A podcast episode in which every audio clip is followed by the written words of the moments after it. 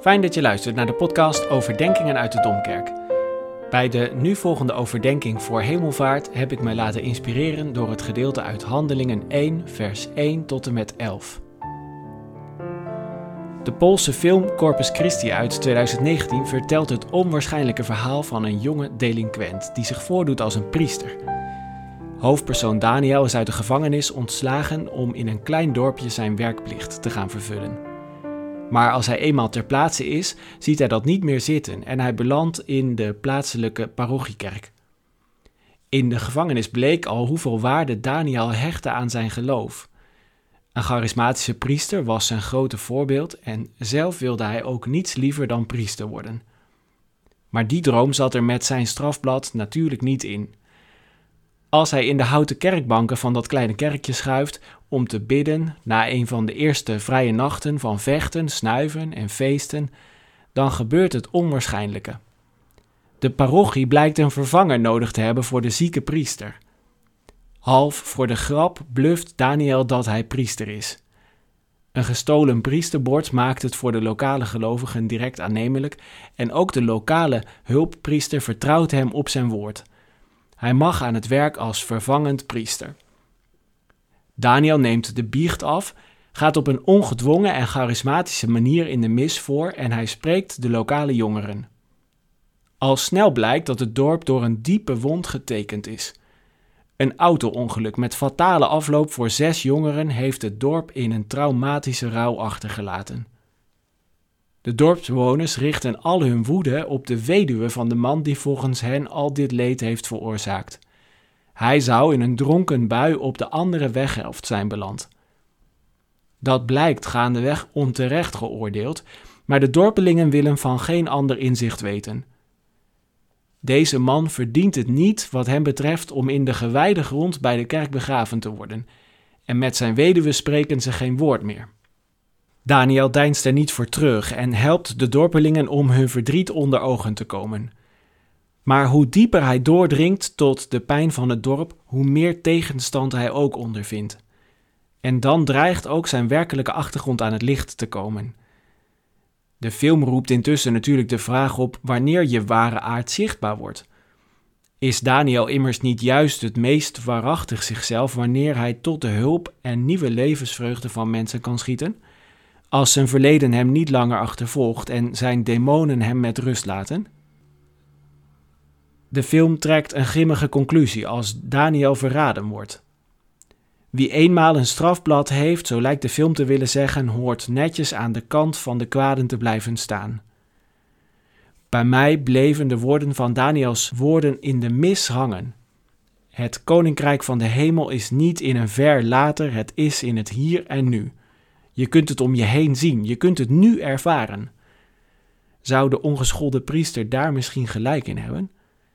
Als je hem aan het werk ziet om de gemeenschap te verzoenen met het verleden en met elkaar, dan zou je het wel denken. Waar anders komt die helende kracht vandaan die maakt dat de dorpelingen verder kunnen? Maar het is even waar dat de tegenmacht ook in het spel komt. De bede om het komen van het Godsrijk is niet genoeg. We moeten ook verlost worden van het kwade.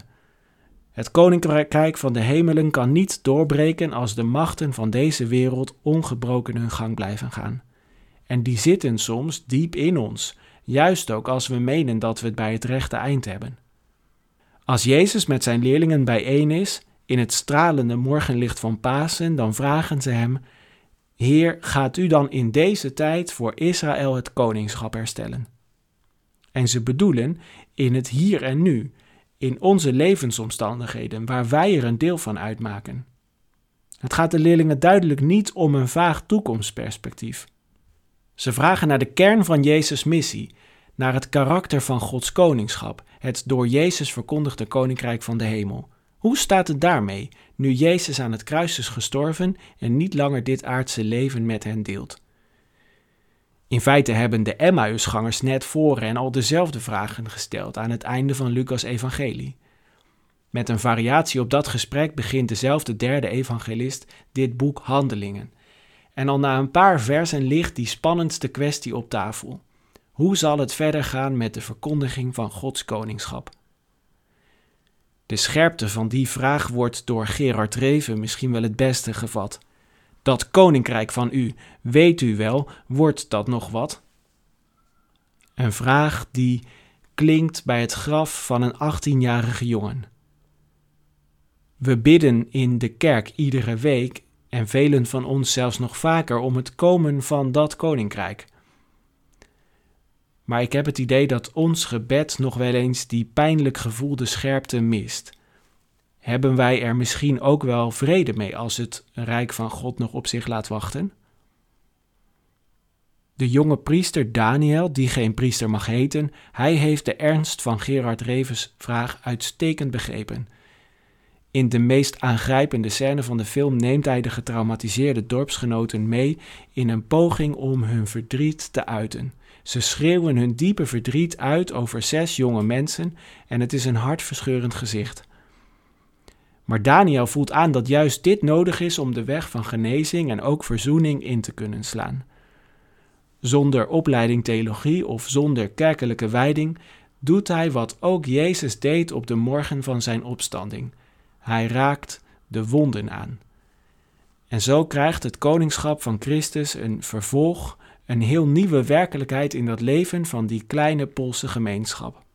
Jezus herneemt op de ochtend van zijn opstanding uit de dood ook de verkondiging van Gods koningschap. Wat in het evangelie steeds centraal heeft gestaan als zijn missie, dat blijft het ook na zijn dood en uit de kracht van zijn opstanding gaat het verder.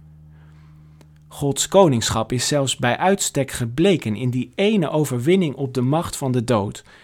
En dan is het aan de leerlingen om als getuigen, als apostelen, de verkondiging verder te brengen. Die verkondiging van het koningschap van God zal gedreven worden door de kracht van geest. Het zal in woorden en daden merkbaar worden. Ze zullen op weg gaan om verzoening en genezing te brengen, om mensen in hun sfeer te trekken van vrijheid en van genade, van nieuw leven. Zoals Jezus het koningschap van God heeft verkondigd in zijn woorden en in zijn daden, zo is dat vanaf zijn hemelvaart de roeping van zijn leerlingen. Wij vragen vaak om een zekere houvast voor de toekomst. We willen weten waar we aan toe zijn en waar we mee kunnen rekenen. Op die wijze vragen Jezus' eerste leerlingen ook naar het wanneer van zijn koningschap. Wanneer zal het gebeuren? Maar Jezus geeft daar geen antwoord op, niet in de zin van het weten of het kennen van dat uur. Hij antwoordt zoals hij steeds heeft gedaan. Het koninkrijk van God, van de hemel, dat is niet in een ver later. Het voltrekt zich wanneer jullie in de kracht van de Heilige Geest op weg gaan, in het hier en nu, met je daden en met je woorden Gods koningschap verkondigen. Dan wordt het je realiteit en je toekomstperspectief als je eraan mee gaat doen.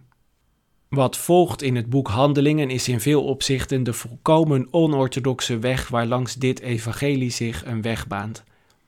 De vrijheid van de geest die de eerste apostelen kennen, die stuit op een samenleving en op gemeenschappen die in veel opzichten nog vastzitten aan het heden en aan het verleden.